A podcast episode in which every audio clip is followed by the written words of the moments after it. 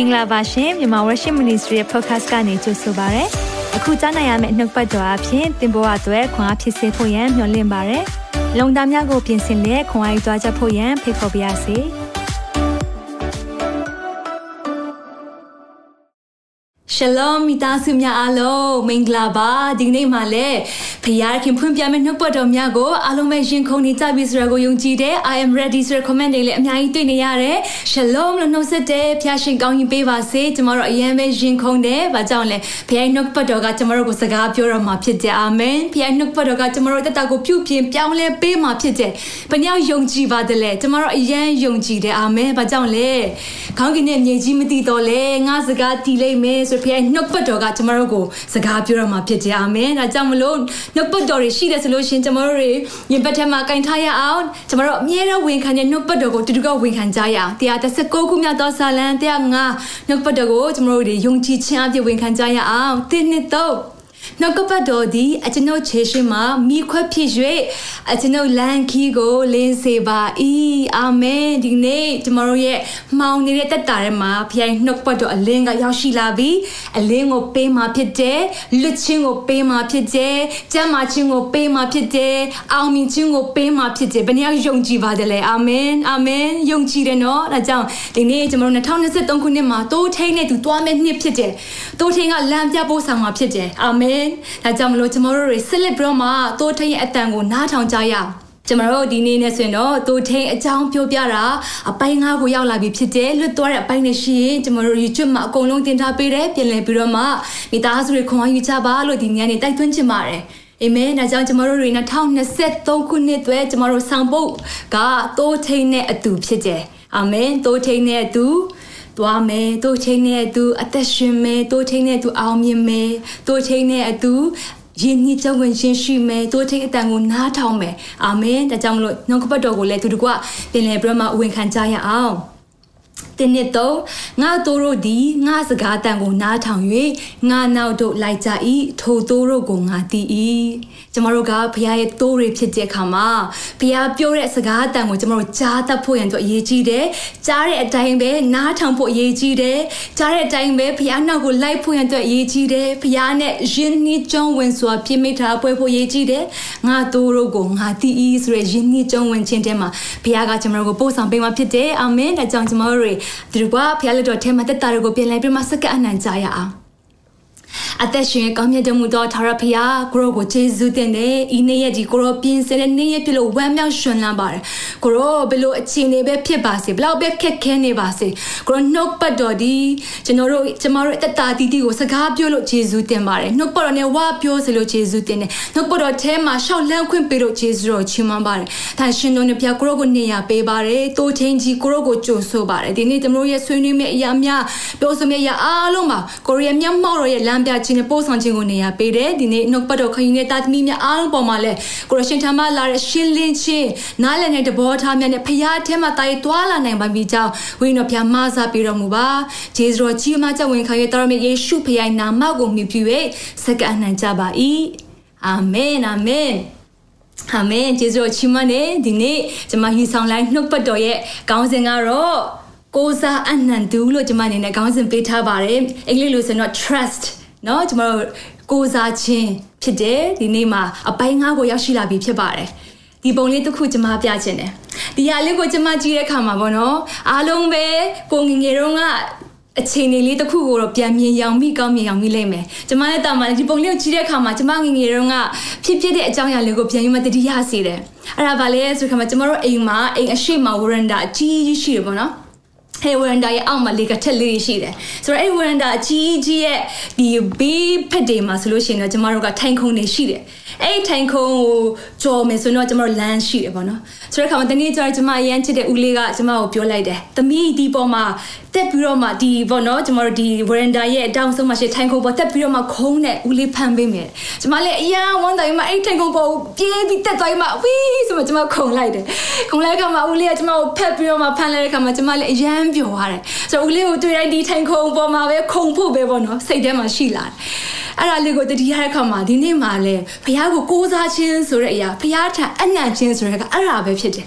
ကိုးစားခြင်းဆိုတဲ့နောက်ွယ်မှာယုံကြည်ခြင်းကလည်းပါနေတယ်ကျမကကျမရဲ့ဦးလေးပေါ်မှာယုံကြည်ခြင်းအပြည့်ရှိတဲ့အခါမှာကျမတို့ရဲ့အန်ဒရရှိတယ်ဆိုရကိုကျမမမြင်တော့ပဲကျမရဲ့ဦးလေးကိုပဲကျမမြင်ပြီးမှပြေးလိုက်တဲ့အရာကဦးလေးကဖမ်းပေးမယ်ကျမလုံခြုံမယ်ဆိုရစိတ်ချမှုတခုအရှိနေတာအဲ့ဒါကကျမတို့ကိုးစားအနံ့သူရဲ့တက်တာလေဒီတိုင်းပဲဖြစ်တယ်အာမင်ကျမကိုအဲလူကြီးဖြစ်လာတဲ့အခါမှာကျမဒီရာကိုပြန်ခုံမလားလို့စဉ်းစားရင်တော့ခုံနိုင်တဲ့အစွမ်းစားတော့ရှိပါတယ်ကျမတို့တော့တိတ်မမြင်တော့ဒါပေမဲ့ခုချိန်မှာတော့ကျမမှာစဉ်းစားတဲ့အရာတွေအများကြီးရှိလာတာပေါ့နော်ဒီဟာခုံမယ်ဆိုရင်မတော်တဆခြေထောက်ခောက်သွားမလားလက်တွေများပွန်းရှသွားမလားစသဖြင့်သွေးခေါ်တွေအများကြီးမှမလုပ်ရဲတော့အဲ့လိုတက်တာဖြစ်သွားတတ်တယ် အမေဒီနေ့မှာကိုးစားအနန္တူဆိုတဲ့အသက်တာကဘာနဲ့တူလဲဆိုတဲ့အခါမှာဘလို့အခြေအနေပဲဖြစ်ပါစေ ကျမရဲ့ဖခင်ကျွန်တော်ရဲ့ဖခင်ကကုညီမဆပေးမယ်ဆိုရက်စိတ်ချမှုကြီးရှိနေတာဖြစ်တယ်အာမင်ယုံကြည်မှုကြီးရှိနေတာဖြစ်တယ်ဒီဟာကိုဒီနေ့မိသားစုကိုပြင်လည်ပြီးမှတတိယစေခြင်းတယ်ကိုငယ်တော့က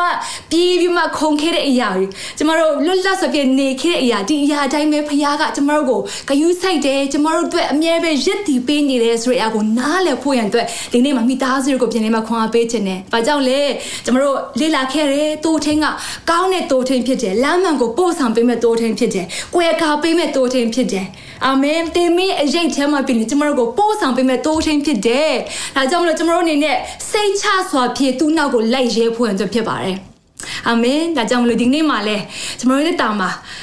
ဖခင်ကကျမတို့ကိုစကားပြောနေတယ်။တုတ်တန်ကြခန်းကြီးတော့ခိုင်းငယ်9နဲ့6မှာဆိုရင်ကျမအမြဲတမ်းခွန်အားယူနှုတ်ပတ်တော်တစ်ခုလည်းဖြစ်တယ်။အတူတကွာဒီနှုတ်ပတ်တော်ကိုကျမတို့ရှေ့နေရနေရွတ်ဆိုကြရအောင်နော်။ဒါတော့ဖခင်ကိုစိတ်နှလုံးအကျုံးမဲ့ကိုးစားလို့တဲ့ အဲ့ဒီစကလုံး law ဆိုတဲ့အရာကကျမတို့ကိုလောက်ပါဆိုတဲ့အရာကိုပြောထားခြင်းဖြစ်တယ်။ကိုးစားပါဖះကိုကိုးစားလို့ကိုညံကိုအမိမပြုတ်နဲ့တဲ့ကျမတို့ကိုဆုံးမနေခြင်းဖြစ်တယ်။ကျမတို့ကဖះကိုကိုးစားမဲ့စားကျမတို့ရဲ့တက်ဆွမ်းနိုင်တဲ့အရာပေါ်မှာလှုပ်ဖွင့်အတွက်အရန်ပဲ အားစိုက်ခြင်းတဲ့သူတွေဖြစ်တယ်ဒီနေ့လေကျမအနေနဲ့တခုလေးပေါ့နော်ဒီကိုးစားအနံ့ခြင်းနဲ့ပတ်သက်မှကျမတကယ်ပဲခံစားရတဲ့အရာကဘာလဲဆိုတော့ကျမတို့ရဲ့ခရိယန်တက်တာရှောက်လန်းတဲ့အခါမှာ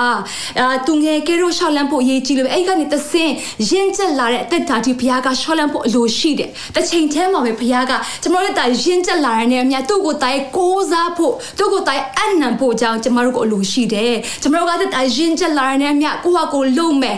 ငါတက်နိုင်တယ်ဆိုတဲ့စိတ်တွေနဲ့ဘုရားကိုအာမကိုတဲ့စိတ်တွေဖြစ်သွားတတ်တယ်ဒါပေမဲ့ဖခင်ကအလိုမရှိဘူးကျွန်တော်တို့တာဝိညာဉ်ကယဉ်ကျက်လေလေဝိညာဉ်ထဲမှာတွားလေလေဖခင်ကိုကိုးစားလေလေဖခင်မပန်မဖြစ်ဘူးဆိုတဲ့စိတ်တွေနဲ့ကျွန်တော်တို့တက်တာတက်ရှင်ပြီးတော့မှရှောင်းလန့်ပွင့်တဲ့ဖြစ်တယ်ကိုညံကိုအမိမပြုနဲ့လို့ကျွန်တော်တို့ကိုနှုတ်ပတ်တော်ပြောထားတယ်သွားလေရနဲ့ထာရဖျားကိုမျက်မှောက်ပြုလို့ဖျားကိုတိုင်ပင်ပါဖျားနဲ့သူသွားပါဆိုကျမတို့ကိုစကားပြောတယ် တို့ပြုလေအဲ့ဒီလိုလုပ်မယ်ဆိုလို့ရှိရင်တင်းလန်ခီတို့ကိုပဲ့ပြင်တော်မူမည်တဲ့ဘယ်နှယောက်ကကိုယ့်ရဲ့လန်ခီဖြောင်းဖြူးခြင်းလဲကျမတို့ရဲ့လမ်းခီးမှာဖြောင်းဖြူးခြင်းနဲ့တားရခြင်းနဲ့အာမင်ဒါဆိုလို့ရှိရင်ဘုရားကိုကိုးစားဖို့ဖြစ်တယ်ကိုညံကိုကျမတို့အမိမပြုဖို့ရန်အတွက်အရန်အရေးကြီးတယ်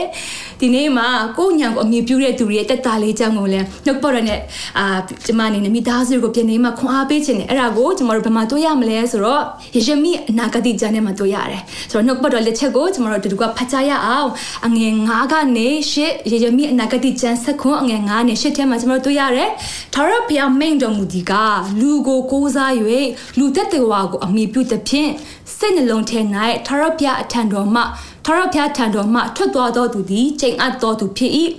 ထိုသူသည်လွန်ပြင်း၌ရှိသောတပ်ပင်၆ကဲတော့ဖြစ်၍ကောင်းကျိုးရောက်ကြောင်းကိုမသိရအဘဲသူမြတ်မနေသောစားမြေတွေးချောက်သောလွန်ပြင်း၌နေရလိမ့်မည်ထာဝရဘုရားကိုကိုးစားတော်သူထာဝရဘုရားကိုမိမိကိုးစားရအကြောင်းဖြစ်စေတော်သူသည်ကောင်းချီးမင်္ဂလာကိုခံအပ်တော်သူဖြစ်၏ထိုသူဒီကယေရှိတော်အရင်၌ဆက်၍မျက်နာမှအမြင့်ဖြာသဖြင့် ပူသောအရှင်ယောက်ျောင်းကိုမသိအရစ်မညိုနွယ်မိုးခေါင်သောကာလ၌စိုးရင်စရာမရှိပဲအစင်အမြဲအတီးကိုတီးသက်သောအပင်နှင့်တူ၏အာမင်ဘယ်နှယောက်ကအသက်တာမှာအတီးတီးတဲ့သက်တာဖြစ်ခြင်းလဲဘယ်ညကတက်တာမှာတွေးချောင်းနေပြီးတော့မှအာ ဆိုရင်ချင်းနဲ့ပြည်တာနဲ့အနေချင်းလဲကျမတို့ဒီမှာနှုတ်ပတ်တော်မှာဗပြောလဲဆိုတော့ထာဝရဘုရားကိုကိုးစားတဲ့သူကကောင်းချီးမင်္ဂလာရှိမယ်လို့ပြောထားတယ်ထာဝရဘုရားကိုမကိုးစားဘဲနဲ့လူကိုကိုးစားတဲ့သူကတွေးချောက်တဲ့လွန်ပြင်မှာရှိတဲ့သူကဲတော့ဖြစ်တယ်တဲ့စစားမည်အဘယ်သူမျှမနေတော့စားမည်တွေးချတော့လွန်ပြင်းနိုင်နေရလိမ့်မယ်တဲ့ဝေါကျွန်တော်ရွေးချယ်မှုကျွန်တော်လက်ထက်မှာရှိတယ်ဒီယမိယေယမိအနာဂတ်ချက်အပေါ်ပိုင်းမှာကျွန်တော်ဖတ်မယ်ဆိုလို့ရှိရင်ယူဒအတိုင်းပြည်မှာရှိတဲ့လူတွေက သူတို့ကသူတို့ရဲ့သက်ဆွမ်းနိုင်ခြင်းကိုကိုးစားတယ်ဖះကိုအာမကိုတော့ရုပ်တုစင်တုကိုသူတို့ကိုးကွယ်လာတယ်။ရရမိအနာဂတိကျစက်ခွန်တစ်ခုလုံးမှာကျွန်တော်ဖတ်မယ်ဆိုလို့ရှိရင်တန်တဲ့ပုဂ္ဂိုလ်ကဘာပြောထားလဲဆိုတော့ခါမှာအဲ့ထဲမှာဒီအေးသေးလာလူမျိုးတွေဂျူဒလူမျိုးတွေရဲ့လုပ်တဲ့6ခုပေါ့နော်မှားယွင်းတဲ့6ခုကိုသူတို့တွေကပြောပြထားတယ်။အကြီးဆုံးသူတို့ရဲ့မှားယွင်းခြင်းကဘာလဲဆိုတော့ခါမှာရုပ်တုကိုကိုးကွယ်ခြင်း ပင်ဖះကိုမယုံကြည်ခြင်းဖះကိုစွန့်ပစ်ခြင်းဆိုရင်မှသူတို့ပြောထားတယ်ပြီးတဲ့အခါမှာဖះရဲ့အမှုတော်ဆောင်တဲ့သူတွေကိုညှင်းပယ်ခြင်းလောဘကြီးခြင်းပြီးတဲ့အခါမှာဖះကတတ်မှတ်တဲ့ဥပုံတွေကိုသူတို့နေမဆောင်ဆိုင်မဆောင်ခြင်းဆိုတဲ့အရာတွေကိုသူကရှင်းပြထားတာသူကျွန်တော်တို့တွေ့ရတယ်ဒီနေ့မှာကျွန်တော်တို့တာမှာလဲကျွန်တော်တို့တာချီးရင်လာတာနဲ့အမျှ ကျွန်တော်တို့တာမှာဟိုးငယ်တော့ငငယ်တော့ငါရှိခဲ့တဲ့ယုံကြည်စိတ်ချရခဲ့တဲ့အရာတွေဟိုးကျွန်တော်တို့တွေဖခင်နဲ့စတဲ့ယဉ်ကျေးကြုံတော့ကဖခင်တက်ဆိုလို့ရှင်ဘာမဆိုလို့ရဲတယ်ဆိုတဲ့နှလုံးသားတွေအာမင်ပြီးတဲ့အခါမှာဖခင်ကအရာအားလုံးကိုထောက်ပံ့ပေးမယ်ဆိုရင်ယုံကြည်ရတဲ့စိတ်တွေကျမတို့ပျောက်ပြီးတော့မှကိုယ့်အကိုအားကိုးမယ်ဆိုတဲ့စိတ်တွေငါလုံးမငါစားရမယ်ဆိုတဲ့စိတ်တွေနဲ့ကျမတို့တွေတက်တာတွေဖြစ်နေပြီဆိုရင်ဒါတင်းတက်တာမှာဖခင်ကိုမကိုးစားခြင်းပဲဖြစ်တယ်။ တနည်းအားဖြင့်ဘုရားရဲ့ကတိတော်ပေါ်မှာမယုံကြည်ခြင်းပဲဖြစ်တယ်ရုပ်တုကိုးခွဲခြင်းကဲတော့ပင်နေကျွန်တော်တို့တာထဲမှာဖះကိုနေရမှာပေးပဲနဲ့ကိုရဲ့ကိုအားကိုကိုတဲ့တက်တိုင်နဲ့ကျွန်တော်တို့နေပြီးမှတက်တာထဲမှာရှောက်လန်းနေဖို့ရန်အတွက်ဖះအလိုတော့မရှိဘူးအာမင်အဲကြောင့်လို့ဒီနေ့မှာဒီယမိအနာဂတ်ကျမ်းမှာကျွန်တော်ဖတ်တဲ့အခါမှာယူဒပြည်မှာရှေ့သူတွေတက်တာထဲမှာဖះကိုမေ့သွားကြတယ်ကျုပ်တို့ကိုကိုးခွဲလာကြတယ်ဖះနဲ့ပတ်သက်တဲ့အရာနဲ့သူတို့မယုံကြည်တော့ဘူး ဖခင်ရဲ့ဂျုံတွေကသူတို့ကိုပြောတဲ့အရာတွေကိုသူတို့ကလစ်လူရှုလာတဲ့တာဖြစ်တဲ့အခါမှာဖခင်ကဘယ်လိုပြောလဲဆိုတဲ့အခါမှာသူ့ကိုမကိုးစားတဲ့ခါမှာတဲ့ချိန်အပ်တော်သူနဲ့တူတယ်တဲ့ဝါအရန်ကြောက်ဖို့ကောင်းနော်ဒါကြောင့်မလို့ကျွန်တော်တို့တာထဲမှာဖခင်ကိုကိုးစားတော်သူဖြစ်ဖို့ရန်အတွက်အရန်ကိုအရေးကြီးတာဖြစ်တယ်ကိုးစားတော်သူတက်တာကရှင်းရှင်းလေးလေးပဲဖြစ်တယ် ဘယ်လိုလူလဲဆိုတဲ့အခါမှာယုံကြည်တော်သူယုံကြည်ရဲတော်သူဖြစ်တယ်အာမင်ဖခင်ပြုမဲ့အရာကိုယုံကြည်ရဲတော်သူဖြစ်တယ်ဟေပြအော်ရာစတဲ့မှာရေးထားတဲ့အတိုင်းမှာစစ်တစ်ထဲမှာဆိုလို့ရှိရင်ယုံကြည်ခြင်းဆိုရကခုလောစင်မှာမမြင်သေးဘူးဒါပေမဲ့ကြိုတင်မှယုံကြည်ခြင်းပြီးမြင်နေတဲ့အရာဖြစ်တယ်အာမင်ဒီချိန်ကာလမှာတော့မျက်မှောက်မှာတော့မရှိသေးဘူးဒါပေမဲ့ဖခင်ပြုမဲ့ဆိုရကိုယုံကြည်ရဲခြင်းဖြစ်တယ်အာမင်ဒါကြောင့်သင်အနာဂတ်အတွက်သင်ဖခင်ကိုယုံကြည်ရဲသလားဒီဖခင်ကသင်ရဲ့ဘဝကိုတောင်းဝင်ယူမယ်လို့သင်ယုံကြည်ရဲသလား အာမင်ဒီနေ့မှာကျွန်တော်တို့ပြင်လေတက်တာကိုဆန်းစစ်ဖို့ရန်အတွက်ဖြစ်ပါတယ်2023ထဲမှာတိုးထင်းကကတိတော့အများကြီးကျွန်တော်တို့ကိုပေးပြီးပြီးနှုတ်ပတ်တော်ထဲမှာရှိတဲ့ကတိတော်အားလုံးကကျွန်တော်တို့အတွက်ဖြစ်တယ်ဒါပေမဲ့တင်ယုံရဲလားထိုဖရားကိုထိုဖရားနောက်လိုက်ရဲလားဒါကဖရားကတင်းနေကျွန်တော်ကိုဒီနေ့မှာမင်းနေပြီဖြစ်တယ်ကျွန်တော်တို့ယုံရဲတယ်အာမင်ဒီထိတောင်ဖရားပို့ဆောင်ပြီးပြီလေနော်ကျွန်တော်တို့ရဲ့အနာဂတ်မှာဖရားကတာဝန်ယူရဲတယ် ကျမတို့တွေဖះကိုယုံကြည်တယ်ဆိုတဲ့အခါမှာကျမတို့တွေကယ်တင်ခြင်းရတယ်ထာဝရတက်ကိုရတယ်ဆိုတဲ့အရာကိုကျမတို့ယုံကြည်ရဲပြီးတော့မှမနေ့ပြန်မှာနောက်တစ်လမှာဒီနှစ်ထဲမှာဖြစ်မဲ့အရာတော့ဖះကိုမယုံကြည်ရဲတတ်ကြအောင်ဒါပေမဲ့ဒီနေ့မှာကျမတို့တွေအသေးခေါ်တွေပြန်လဲပြောင်းကြရအောင်အာမင်ဖះပြုမဲ့အရာကိုယုံကြည်ကြရအောင်အာမင်ဖះကအမှုတက်ကိုပြုမှဖြစ်တယ် ဒီနေ့မှလည်းကျွန်မ trust ဆိုတဲ့အရာလေးနဲ့မိသားစုကိုခွန်အားပေးခြင်းနဲ့ T R U S T ဆိုတဲ့အရာလေးကိုကျွန်တော်စလုံးလေးတစ်လုံးစီကိုကျွန်တော်တို့တို့ကအာလေ့လာသွားကြရအောင် T ကိုကျွန်မအနေနဲ့ဘယ်လိုသတ်မှတ်ခြင်းလဲဆိုတော့ truth တမန်တရားလို့ကျွန်မသတ်မှတ်ခြင်းတယ် trust ရဲ့ T အစလေးပေါ့နော် truth ကိုကျွန်မသတ်မှတ်ခြင်းတယ်ဖះကိုကိုးစားတဲ့သူရဲ့တက်တာကလေတမန်တရားရှိတယ်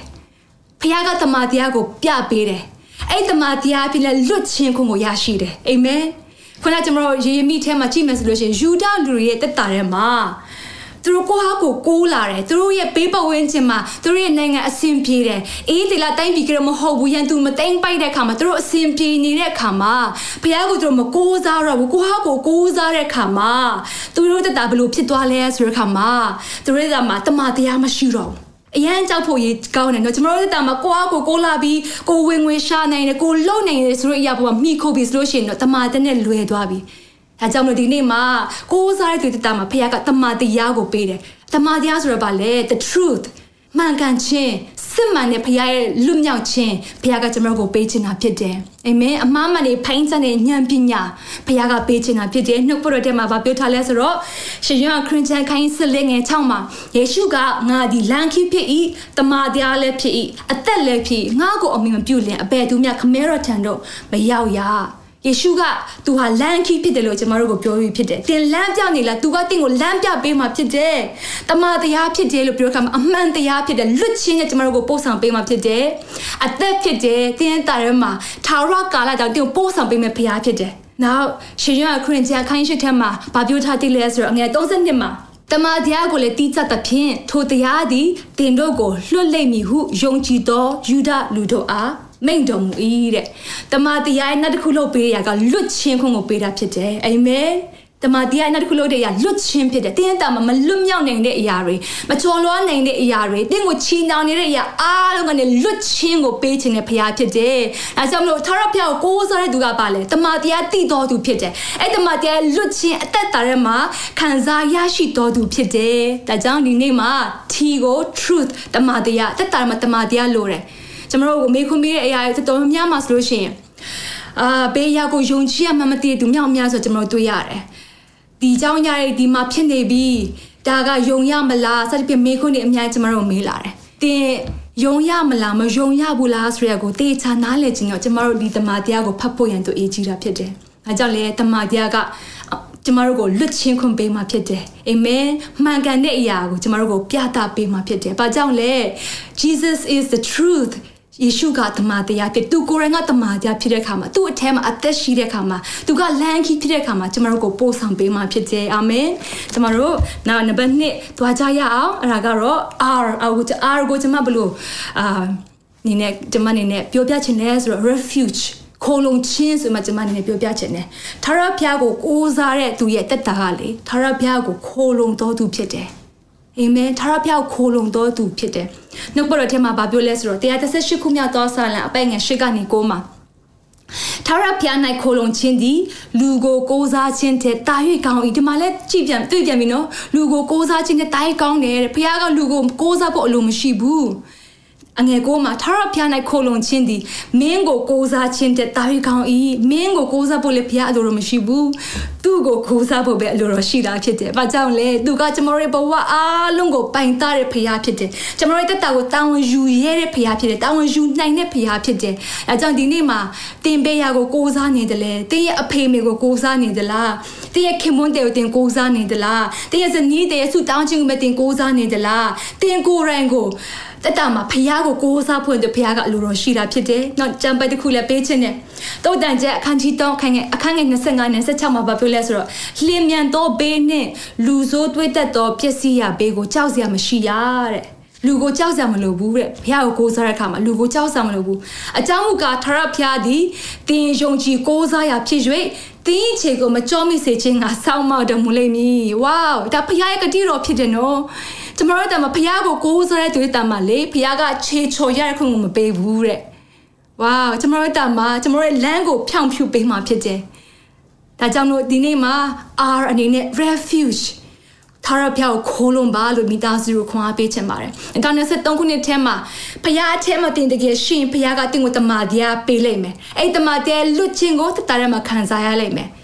ထာရဖျားကိုတင်တကယ်ကိုးစားသူဖြစ်တဲ့ဆိုလို့ရှိရင်ထာရဖျားကတင်းရဲ့ခိုးလုံရဖြစ်မယ်။တင်ထာရဖျားကိုခိုးလုံနေတဲ့ဘယ်သူမှကြောက်စရာမလိုဘူး။ဘယ်သူမှကိုလည်းတင်းနေတဲ့ခီးဆိုင်စရာမလိုဘူး။ဖျားကတင်းကိုလမ်းပြပို့ဆောင်ပေးမယ်။တင်းခြေကိုချော်ဖွင့်တော့အခုမပေးဘူး။တင်းကိုစောင်းမမယ်ဖျားဖြစ်တယ်။အာမင်။အာမင်ဒီယုံကြည်ပါသလားယုံကြည် comment ထဲမှာအာမင်လို့ရေးပါအောင်ဝန်ခံပါအောင်ဖခင်ရဲ့နှုတ်ပတ်တော်ကိုအတည်ပြုတယ်လို့ကျွန်တော်တို့တွေဝန်ခံဖွင့်တဲ့ဖြစ်တယ်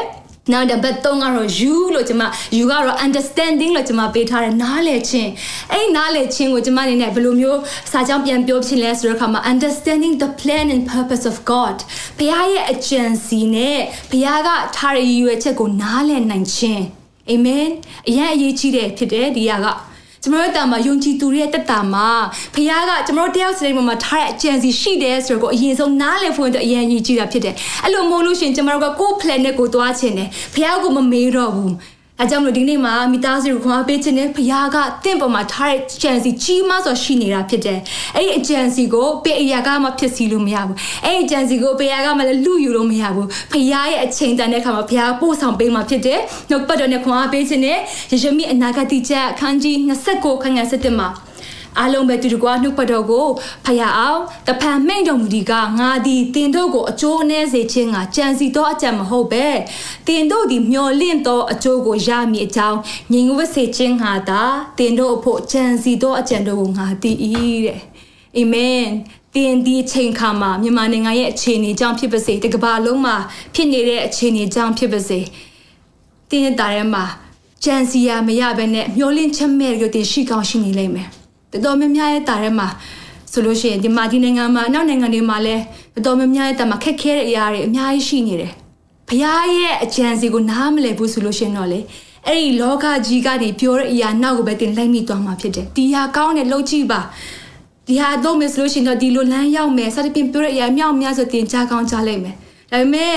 ဖခင်ကတင့်ပေါ်မှာထားတဲ့အကြံစီကတင့်အကျိုးနည်းဖို့မဟုတ်ဘူးတင့်အတွက်ချီးမားတဲ့အကျိုးဖြစ်ဖို့ရန်တို့ဖြစ်တယ်ဆိုတော့ကိုတင့်အနေနဲ့နားလေပြီးရဲ့နောက်ွယ်မှာ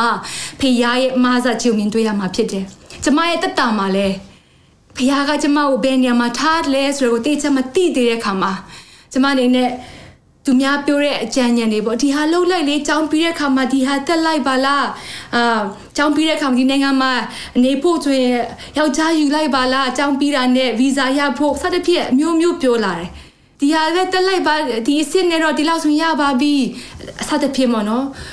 ကိုယ့်ပေါ်မှာဖျားထားတဲ့အကြံစီကိုသူတို့မမြင်တတ်တဲ့အခါမှာသူတို့တို့တော့ဒါကကျမတို့ကိုကောင်းဆုံးတော့အကြံပေးတယ်လို့သူတို့ကတော့ယုံကြည်လို့ပြောတဲ့အရာဖြစ်တယ်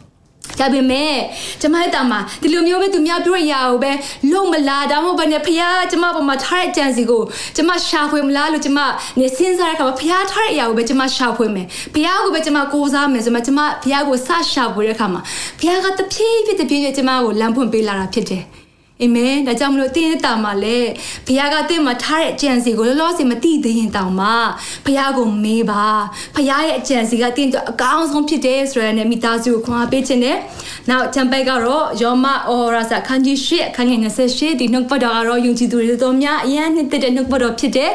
ဘုရားသခင်ကိုချစ်တော်သူဒီဟုသောကြံစီတော်မူခြင်းအတိုင်းခေါ်တော်မူသောသူတို့ရဲ့အကျိုးကိုခတ်သိမ်းသောအရာတို့သည်တညီတညွတ်ကျပြုစုကြသည်ကိုငါတို့သိကြ၏တဲ့ အာမင်ဘသူတွေကသိတာလဲဖခင်ရဲ့အကြံစီကကျွန်တော်တို့အတွက်ခတ်သိမ်းတော့ရကြိုးပြတယ်ဆိုတာကိုဘသူကသိလဲဖခင်ကိုကိုးစားသူကသိတာလောကသားတွေကဒီရကိုဖတ်နားလဲမှာမဟုတ်ဘူးဒါပေမဲ့ဒီနေ့မှာကျွန်တော်တို့နားလဲခွင့်ဖခင်ပေးတယ်ဘာကြောင့်လဲဖခင်ကိုကျွန်တော်တို့ကိုးစားတယ်ဖခင်ကိုကိုးစားတဲ့အခါဖခင်တမန်တရားကကျွန်တော်တို့ကိုလမ်းပြပေးတဲ့အခါမှာဖခင်ရဲ့အကြံစီကကျွန်တော်တို့အတွက်ရှိနေတယ်အာမင်ကျွန်တော်တို့တာမှာကြုံစုံရတဲ့အခက်ခဲတိုင်းဒီပင်လေဖခင်ကကျွန်တော်တို့တာကိုယဉ်ချက်ဖို့လို့ငါကျွန်တော်တို့အတွက်အကျိုးဖြစ်တယ်ဆိုတော့ကိုကျွန်တော်တို့ရဲ့ခံယူနိုင်ခြင်းခက်ခဲကလာမပြေလို့ဝမ်းမြောက်နိုင်ခြင်းခွင့်ရရှိတာကကျွန်တော်တို့ယုံကြည်သူများတဲ့ထူးမြတ်တဲ့ဖရားပေးတဲ့ကောင်းကြီးမင်္ဂလာဖြစ်တယ်အာမင်ဒါကြောင့်မလို့ဒီနေ့မှာလည်းကျွန်တော်တို့တွေဖရားကိုကိုးစားကြရအောင်ဘာကြောင့်လဲဖရားကိုကိုးစားတော့သူအတွက်ဖရားရဲ့အကြံစီကရှိနေတယ်အာမင်ခုချိန်မှာခက်ခဲပါစေဒီရတွေပြင်လနောက်တစ်ချိန်မှာဖရားကကောင်းကြီးမင်္ဂလာဖြစ်ပြောင်းလဲပေးမှာဖြစ်တယ်ဒါကြောင့်ဒီနေ့မှာ understanding ဖရားရဲ့အကြံစီတင့်မှာရှိတယ်ဆိုတော့နားလည်ပါလို့မိသားစုကိုခွန်အားပေးခြင်းနဲ့နောက်တစ်ခုကတော့ S ကတော့ surrender အနံ့ခြင်းပဲဖြစ်တယ် surrender အဲ့ဒီ surrender လို့ပြောတဲ့ချိန်မှာကိုယ့်ရဲ့ဖြစ်ခြင်းတဲ့အရာကိုအနံ့ခြင်းပဲဖြစ်တယ်ကျမရဲ့အတန်မှာဆိုလို့ရှင်လဲဖြစ်ခြင်းတဲ့အရာတွေကအများကြီးရှိတယ်လှုပ်ခြင်းတဲ့အရာအများကြီးရှိတယ်လုံနိုင်တဲ့အရေးချင်းလဲရှိတယ်လို့ကိုယ့်ကိုခံစားတာပေါ့နော်အဲ့လိုမျိုးဖြစ်တဲ့အခါမှာရန်ကိုစူးစမ်းခြင်းနဲ့ရန်ကိုလှုပ်ခြင်းဒါပေမဲ့ ဖះရဲ့ထားတဲ့အကြံစီကိုလေကိုအနေနဲ့ရှာဖွေတဲ့အခါမှာကိုလုံနိုင်တဲ့အရာတွေအားလုံးကိုဖះကိုအနံဖို့ရတော့အရေးကြီးတာဖြစ်တယ်အာမင်ကျမတို့မှာ surrendering လို့လို့တဲ့အခါမှာမလွယ်ဘူး surrender လုပ်ရတာလုံးဝမလွယ်ဘူး။ဘာကြောင့်လဲ surrender လုပ်တဲ့ခါမှာဖခင်ရဲ့အလိုတော်ကိုဝန်ခံဖို့ရတဲ့ကျွန်တော်တို့ကအစင်သင့်ရှိနေခြင်းဖြစ်တယ်။အကြောင်းမလို့ဒီနေ့မှာ as surrender ဖို့အရေးကြီးကြည့်တယ်ကျွန်တော်တို့တက်တာထဲမှာ။ဘာကြောင့်လဲအဲ့ဒီ surrender ခြင်းရဲ့နောက်ွယ်မှာဖခင်ရဲ့ချီးမြှောက်ခြင်းလာတာဖြစ်တယ်။အာမင်။ဖခင်ရဲ့အထဲမှာကျွန်တော်တို့နေနဲ့နှိမ့်ချဆိုတဲ့နေခြင်းရဲ့နောက်ွယ်မှာဖခင်ရဲ့ကောင်းချီးမင်္ဂလာရှိတယ်။နှုတ်ပတ်တော်ကလည်းကျွန်တော်တို့ကိုဘယ်လိုခွန်အားပေးထားလဲဆိုတော့ရှမသက်ခရင်ကျန်ခိုင်စစ်တဲ့ခိုင်ငယ်28မှာ ဝင်လေး၍ပင်ပန်းတော်သူပေါင်းတို့ငါထံတော်လာကြလော့ငါသည်ချမ်းသာပေးမည်အာမင်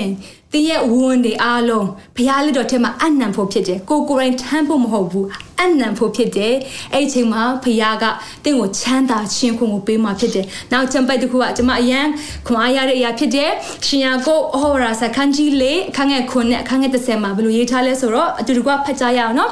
ထို့ကြောင့်ဘုရားသခင်ရဲ့အလိုတော်တို့လိုက်ကြလောအလိုတော်လိုက်ခြင်းတနည်းအားဖြင့်ဘုရားရဲ့အလိုတော်ကိုဝန်ခံခြင်း submission လုပ်ခြင်း surrender လုပ်ခြင်းကိုလည်းပြောခြင်းဖြစ်တယ်ဘုရားသခင်ရဲ့အလိုတော်တို့လိုက်ကြလောမာနကိုစီတာကြလောတို့ပြုလင်သူဒီတင်တို့ထံကပြေးသွားလိမ့်မည်တဲ့ wow ကျွန်တော်တို့မှာဘုရားပေး authority ရှိတယ်အဲ့ authority ကဘယ်မှာရှိဘယ်မှာမှရှိလဲဆိုတဲ့အခါမှာဘုရားကကျွန်တော်တို့ဘက်မှာထားတဲ့အရာကိုကျွန်တော်နားလည်ပြီးမှ surrender လုပ်တဲ့ချိန်မှာဘုရားရဲ့ authority ကျွန်တော်တို့တက်တာထဲမှာရောက်ရှိလာမှာဖြစ်တယ်အဲ့ဒီချိန်မှာပြင်ကျွန်တော်တို့တက်မှာကျွန်တော်တို့မန်နတ်ကိုစီးတိုင်းနိုင်ခွင့်ဘုရားပေးမှာဖြစ်တယ်အငယ်30မှာဘုရားသခင်ရှိတော်၌ကိုကိုကိုနှိမ်ချကြလောတိုးပြုလင်တင်တို့ကိုချီးမြှောက်တော်မူလိမ့်မည်အာမင်ကျွန်တော်တို့တက်မှာဘုရားရဲ့ချီးမြှောက်ခြင်းကိုလိုချင်ကြတယ်ဒီချိန်ထဲမှာဘုရားရဲ့ရှိမှနှိမ်ချဖွင့်တို့အရေးကြီးတယ်ဘုရားခိုင်းတဲ့ရာကိုလှုပ်ဖွင့်တို့အရေးကြီးတယ်အဲ့ချိန်မှာတန်လင်းကျွန်တော်တို့တာမှာဘုရားရဲ့ချီးမြှောက်ခြင်းကိုစတင်မှမြင်တွေ့ရမှာဖြစ်တယ်အာမင်နောက်ဆုံးတစ်ခုကတော့ T time ဖြစ်တဲ့အချိန်ကာလတစ်ခုတော့ကျွန်တော်တို့ဖြတ်တန်းရမှာဖြစ်တယ်အာမင် ဘုရားရဲ့ချီးမြှောက်ခြင်းဘုရားကိုအနံ့တော်သူကဘုရားရဲ့အချိန်ကိုစောင့်ဆိုင်နိုင်တော်သူလည်းဖြစ်တယ်ကျွန်မခုနဥမာပေးရကျွန်မရဲ့တာမှာကြုံတွေ့ရဆိုလို့ရှင်ကျွန်မအနေနဲ့အာသူနာပြုတင်တန်းပေါ့နော် nursing တင်တန်းကြောင်းရမ်းတက်ချင်တဲ့အခါမှာကျွန်မအနေနဲ့လူအနေနဲ့တော့အမျိုးမျိုးစူးစမ်းခဲ့တယ်ကိုကိုတိုင်းပတ်စံချီးပြီးတော့ဘန်ကိုတွားပြီးပတ်စံကိုချီးပြီးတော့ကို critical နဲ့ကိုကြောင်းသက်ဖို့ထိတောင်မှကျွန်မကစူးစမ်းခဲ့တယ် university ကျမအိမ်နဲ့ university နှစ်နိုင်လောက်ရထားနဲ့ဝေးတယ်အသွားပြန်ဆို၄နိုင်အဲ့ဒါလဲကိစ္စမရှိသွားမယ်ဆိုရင်မှကျမအနေနဲ့တကယ်ပဲကျမရဲ့ဖြစ်ချင်တဲ့အရာလုပ်ချင်တဲ့အရာကိုပြင်းပြဆိုပြီးကျမအနေနဲ့လုပ်ဖို့မဖြစ်ဖြစ်အောင်ပေါ့နော်ကျမတက်ချင်တဲ့ဒီဟာ nursing ကိုမဖြစ်ဖြစ်အောင်ကျမတက်မယ်ဆိုတဲ့အရာနဲ့ကိုယ်အိတ်ဆိုင်ပြီးတော့မှတက်မယ်ဆိုရတဲ့ကျမအနေနဲ့စူးစမ်းတယ်တကြိမ်စူးစမ်းတယ်မအောင်မြင်ဘူးဘာကြောင့်လဲကျမအလုပ်လုပ်ရတဲ့ခါမှာကျမအချိန်မရှိဘူးတပတ်ကို6 6ရက်လုပ်ရတဲ့ခါမှာအချိန်မရှိဘူးကြောင်းတော့ဖို့အချိန်မရှိဘူးစသဖြင့်အချိန်တွေမျိုးကြောင့်အလုံးအာကြောင်းမတက်နိုင်တော့ဘူးပေါ့နော်နောက်တစ်ချိန်လည်းကျမထပ်စူးစမ်းသေးတယ်နောက်တစ်ချိန်တော့အချိန်တွေနည်းနည်းကောင်းလာတဲ့ခါမှာလှုပ်အောင်မယ်ပေါ့ကျမစူးစမ်းသေးတယ်နောက်ဆုံးမှာမှကျမဖះကိုစတင်မှအိုးဟစ်တယ်ကိုရောသမီးစူးစားတယ်မအောင်မြင်ဘူးကိုရောရဲ့ agency ကပါလဲကိုရောအချိန်ကဘယ်မှာဘယ်လောက်ထိစောင့်ရမှာလဲလို့ဘုရားကိုစမေးတဲ့ခါမှာဘုရားကကျမကိုတော့ the simplicity လမ်းပြတယ်ဘယ်လောက်ထိလမ်းပြလဲဆိုတဲ့ခါမှာကျမအရန်တက်ချင်တဲ့ကြောင်းပေါ့နော် ဆရာနဲ့အိမ်ထောင်ကြပြီးမှဘုရားကတက်ခွင့်ပေးတယ်တော်များများအစဉ်စားအိမ်ထောင်ကြပြီးလို့ရှင်တော့ကျောင်းတက်ဖို့ဆိုတာကမလွယ်ဘူးလေနော်ဒါမဲ့ဖျားပြင်ဆင်ပေးတာအံ့ဩစရာပဲကျမရဲ့ကျောင်းလာခ full fees ပေါ့နော်ကျောင်းကိုတကယ်ပဲ full ငွေကြေးအပြည့်နဲ့တက်ခွင့်ဖျားပေးတယ် ကျမရဲ့တာမှာစူးစမ်းတော့ကတော့အရန်ကိုခက်ခက်ခက်ခက်နဲ့စူးစမ်းခဲ့ရတယ်ဒါပေမဲ့ဖခင်ရဲ့အချိန်ရောက်လာတဲ့အခါမှာဆရာအဖြစ်ဖခင်ကကျမရဲ့လောတမြောက်ကိုထောက်ပံ့ပေးတာကိုကျမတွေ့ရတယ်ဒါကဖခင်ရဲ့ကျမရဲ့ကျမဘာမှပြုလုပ်တဲ့နမိတ်လက္ခဏာဖြစ်တယ်ကျမအကြောင်းကိုအောင်မယ်ဆိုပြီးပြီးဆုံးခွင့်ဖခင်ပေးတယ်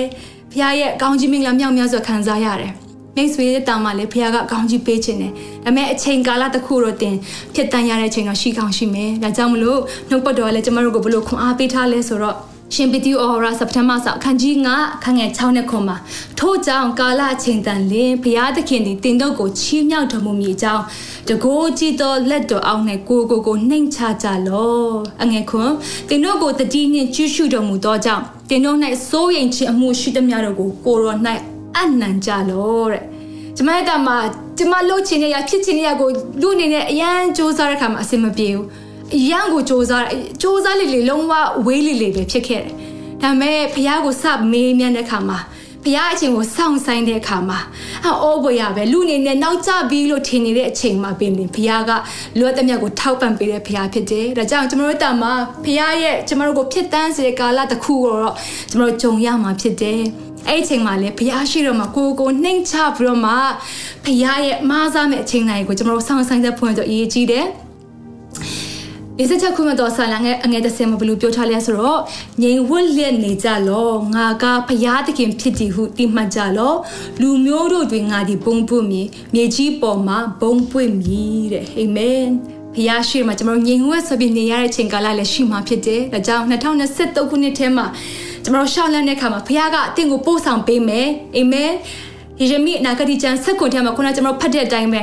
ထာဝရဘုရားကိုကိုးစားတော်သူထာဝရဘုရားကိုမိမိကိုးစားရာအကြောင်းဖြစ်စေတော်သူသည်ကောင်းချီးမင်္ဂလာကိုခံအပ်တော်သူဖြစ်၏ထိုသူဒီကယေရှုတော်အရင်၌ဆက်၍မျက်နာမှာအမျက်ဖြာသဖြင့်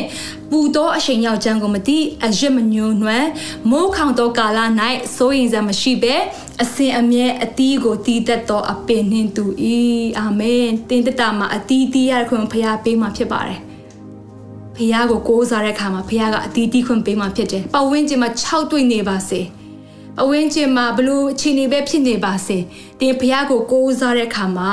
ဖះကတင်ကိုကောင်းချီးပေးမှဖြစ်တယ်။အာမင်။စစ်မနဲ့ကောင်းချီးကဖះစီကပဲလာတာဖြစ်တယ်။ စစ်မှန်တဲ့ကောင်းကြီးကလူတွေစီမှာမလာဘူးစစ်မှန်တဲ့ကောင်းကြီးဖျားစီကပဲလာတာဖြစ်တယ်ဖျားအသုံးပြုတဲ့သူတွေကဖြစ်တဲ့စင်လဲတိတ်ပေါ်မှာဖျားရဲ့ကောင်းကြီးမင်္ဂလာစီစဉ်သွားမှာဖြစ်တယ်ဒါကြောင့်ဒီနေ့မှာမိသားစုများဒီနှုတ်ပတ်တော်ဖြင့်ဖျားစကားပြောမယ်လို့ကျွန်မယုံကြည်တယ်ကိုးစားအနံသူရဲ့တက်တာကျွန်တော်တို့ခုန trust ဆိုတဲ့အရာလေးကိုကျွန်တော်တို့အနေနဲ့ပြန်ကြည့်မယ်ဆိုရင် T က truth တမန်တရားတည်ခွင့်ဖျားပေးမယ်တမန်တရားပြန်လွတ်ချင်းခွင့်ဖျားပေးမယ်မကြော်လွှမ်းနိုင်တဲ့အရာတွေပင်လည်းကြော်လွှမ်းနိုင်ခွင့်ဖျားပေးမှာဖြစ်တယ် ကိုးစားအနံတူတတမှာ refuge ထာရဖျောက်ခိုးလုံခြင်းလူကိုမကိုးစားဘူးဖျောက်ကိုးစားပြီးခိုးလုံခြင်းဖြစ်တဲ့ you understanding ဖခင်ရဲ့အကြံစီတက်တာထဲမှာရှိတယ်ဆိုရကိုနားလည်ပြီးတော့မှဖခင်လက်တော်ထဲမှာ surrender အနံ့ရဲခြင်းဖြစ်တယ်။ဘာကြောင့်လဲအချိန်တန်တဲ့အခါမှာဖခင်ကချီးမြှောက်ပေးမှဖြစ်တယ်။ကောင်းချီးပေးမှဖြစ်တယ်။အာမင်။ဒီနေ့ truth ဆိုတဲ့အရာ ကျွန်တော်တို့တမတကယ်ပဲလိုအပ်တာဖြစ်ပါတယ် truth တမတရားလွတ်ချင်းခွင့်ကိုပေးမှာဖြစ်တယ်ဒါကြောင့်ဒီနေ့မိသားစုတွေဖခင်ကဒီနှုတ်ပတ်တော်ပြစကားပြမယ်လို့ယုံကြည်ပါတယ်ကိုးစားအနံတော်သူဆိုတဲ့အရာကရိုးရိုးလေးပဲဖြစ်ပါတယ်ဖခင်ကိုယုံကြည်ရဲခြင်းဖြစ်တယ်ဖခင်ကိုအနံလိုက်ခြင်းဖြစ်တယ် အာမင်ဒါကြောင့်ဒီနှုတ်ပတ်တော်ပြဖျားဆက်လက်ပြီးဒီဘတ်တာလုံးမှာစကားပြောပါစေလို့ဒီနေ့ဆုတောင်းပေးပါတယ်ခဏလောက်ဆုတောင်းရအောင်ပြည့်ခါမှာကျွန်မဆရာကိုပြန်ပြီးမှဖိတ်ခေါ်မယ်ဆရာရဲ့ကောင်းချီးပေးခြင်းနဲ့တို့ကကျွန်မတို့ဆုံးသက်မယ်ဆရာကိုလည်းခဏနေကြလို့ရှိရင်အချိန်ပြန်လဲပြီးတော့မှပေးခြင်းတာဖြစ်တယ်ခဏလောက်တက်တာတွေကိုစက္ကအနံ့ကြရအောင် အသက်ရှင်နေမှုတော့ထာဝရဘုရားကိုရောကိုယေရှုတင်ပါတယ်ဒီနေ့မှာကိုရောနှုတ်ပတ်တော်ဒီတမီးတို့တရားစရင်ပေါ်မှာရောက်ရှိနေပြီပြီးတော့ယေရှုတော်ချီးမွမ်းပါတယ်ကိုရောကိုကိုးစားရေးတော်သူများဖြစ်ပါမိကြောင်းတန်ရှင်းတော်ဘုရားနေ့စဉ်တိုင်းမှာမဆရမှုပါ2023ခုနှစ်ထဲမှာတွားတဲ့ခါမှာသူထိန်နောက်ကို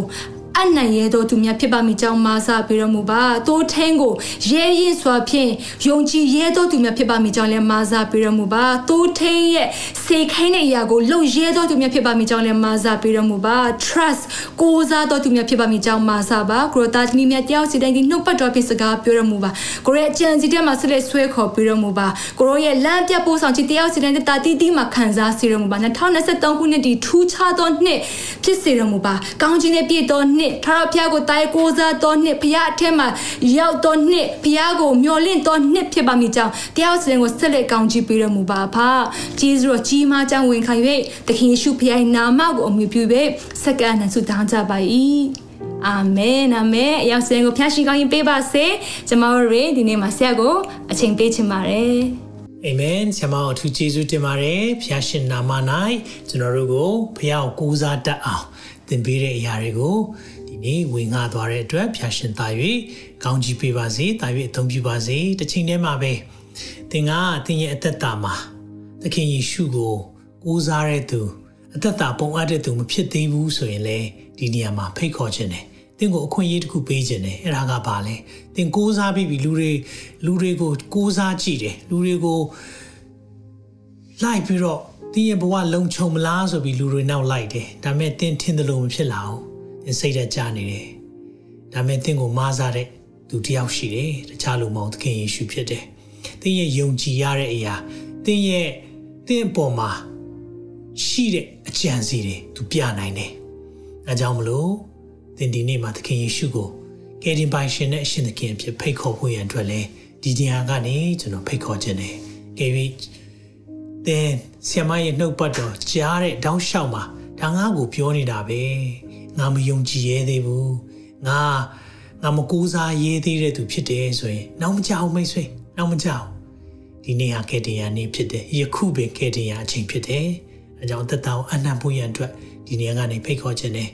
ကျွန်တော်ဆူတောင်းပေးခြင်းနဲ့အဲ့ဒီဆူတောင်းချက်ထဲမှာကျွန်တော်ပါခြင်းနဲ့ကျွန်မပါခြင်းနဲ့ကျွန်တော်သခင်ယေရှုကိုလက်ခံခြင်းနဲ့ကျွန်မသခင်ယေရှုကိုလက်ခံခြင်းနဲ့ဆိုရင် comment ရေးပါကျွန်တော်ဒီနေရာကနေဆူတောင်းပေးခြင်းနဲ့တစ်ချိန်တည်းမှာပဲကျွန်တော်နောက်ကနေယေရှုပြည့်၍လိုက်ဆိုပေးပါသင်ရဲ့နှလုံးသားထဲကလာတဲ့ဆူတောင်းတန်ကဲ့သို့ကျွန်တော်ရဲ့စကားလုံးဖြစ်ပေမဲ့သင်အကျွမ်းမဲ့ယုံကြည်ပြီးတော့ဆူတောင်းပါလို့ဒီနေရာကနေဖိတ်ခေါ်ခြင်းနဲ့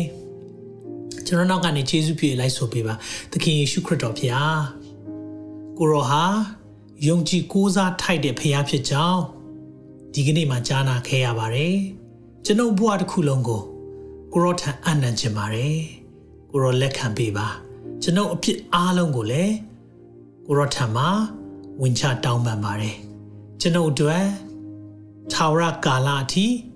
တာဝန်ယူမဲ့အရာအလုံးကိုလည်းဒီကနေ့မှာလက်ခံပါတယ်သခင်ယေရှုဖျားကျွန်ုပ်ဘဝကိုအုပ်ဆိုပါ သခင်ထံကိုးစားအနှံတော်သူအဖြစ်လက်ခံပေးပါသခင်ရှုနာမ၌ဆုတောင်းပါ၏အာမင်အာမင်မိတ်ဆွေဒီဆုတောင်းချက်ကိုတောင်းနေဆိုရင်သခင်ယေရှုဖျားဒီနေ့ကစပြီးသင်ဘဝကိုအုပ်ဆိုးမှာဖြစ်တယ်လမ်းပြမှာဖြစ်တယ်ပဲ့ပြင်သွားမှာဖြစ်တယ်သင်ဟာသင်ရဲ့တာဝန်ကတော့ trust ကိုးစားယုံကြည်ဖို့ပဲဖြစ်တယ်အာမင် ယေရှုနာမ၌အရောက်စီတိုင်းကိုကောင်းချီးပေးပါရယ်ဒီနေ့ပါဝင်လို့ဖျားရှင်နာမ၌အရောက်စီတိုင်းကိုလည်းယေရှုတင်ကြောင်းပြောခြင်းနဲ့ထာဝရဘုရားသည်တင်ကိုကောင်းချီးပေး၍ဆောင်မတော်မူပါစေသောထာဝရဘုရားသည်တင်၌မျက်နာတော်အလင်းကိုလွှတ်၍ယူနာယေရှုပြုတော်မူပါစေသောထာဝရဘုရားသည်တင်ကိုမျှော်ကြည့်၍ချမ်းသာပေးတော်မူပါစေသော လူတွေကြံစည်မမိနိုင်တဲ့ဖရားထံမှလာတဲ့ညီသက်ချင်းများငွေကြီးနဲ့ဝယ်ယူလို့မရတဲ့ချမ်းသာခြင်းနဲ့ပျော်ရွှင်ခြင်းများတင်တဲ့တင်မိသားစုပေါ်မှာတည်ရောက်ပါစေသခင်ရှုနာမ၌ဆုတောင်းကောင်းချီးပေးပါရယ်ဖရားရှင်အထူးကောင်းချီးပေးပါစေ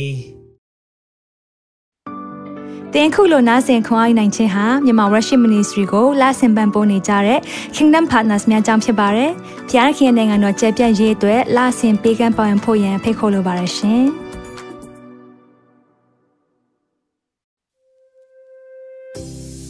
ကြားနာခဲ့ရတဲ့နှုတ်ပတ်တော်အဖြစ်ခွန်အားရရှိမဲ့လို့ယုံကြည်မျှော်လင့်ပါတယ်။ခွန်အားရဆိုလို့ရှိရင်ဒီတစ်ပတ်နဲ့ပြန်လည်ဝင်မြပေးဖို့ရန်တောင်းဆိုပါရစေ။မြန်မာ Worship Ministry ရဲ့ website myanmarworship.com ကိုလည်းလာရောက်လေ့လာဖို့ရန်တက်ဖိတ်ခေါ်ချင်ပါတယ်။တစ်ချိန်တည်းမှာမြန်မာ Worship Ministry ရဲ့ social media platform များဖြစ်တဲ့မြန်မာ Worship YouTube Channel, မြန်မာ Worship Facebook Page နဲ့မြန်မာ Worship Instagram များကိုလည်းလာရောက်လေ့လာဖို့ရန်အတွက်ဖိတ်ခေါ်ချင်ပါတယ်။နောက်တစ်ချိန်မှာပြန်လည်ဆုံတွေ့ကြပါစို့။ဖျားရှင်ကောင်းကြီးပေးပါစေ။